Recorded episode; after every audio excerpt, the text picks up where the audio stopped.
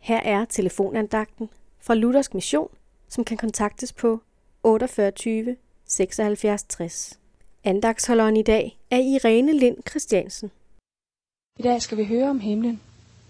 I 2. Korinther kapitel 5, vers 1-2 står der, Vi ved nemlig, at hvis det telt, som er vores hus på jorden, brydes ned, så har vi en bygning fra Gud, et hus, der ikke er bygget med hænder, men er evigt i himlene.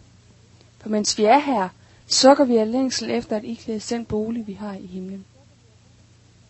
Sommetider, når livet ser sort ud, kan man ønske sig at komme i himlen, for så ville det være slut med alle ens problemer. Men faktisk er det forkert af os kun at tænke på himlen, når vi har det svært.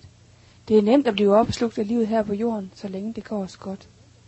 Men i Kolossenserbrevet siger Paulus i kapitel 3, vers 1-2. Når I nu er oprejst med Kristus, så søg det, som er i himlen, der hvor Kristus sidder ved Guds højre hånd. Tænk på det, som er i himlen, og ikke på det jordiske.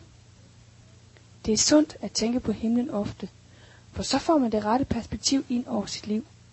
Vi er her kun for en meget kort tid, som er for intet at regne i forhold til evigheden.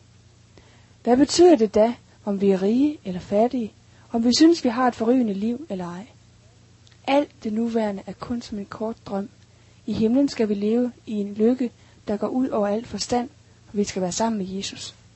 Tror du så, din flotte bil, dine høje karakterer og din anseelse her i verden er noget værd i forhold til det? Nej, lad os tænke på, hvad vi ejer i himlen.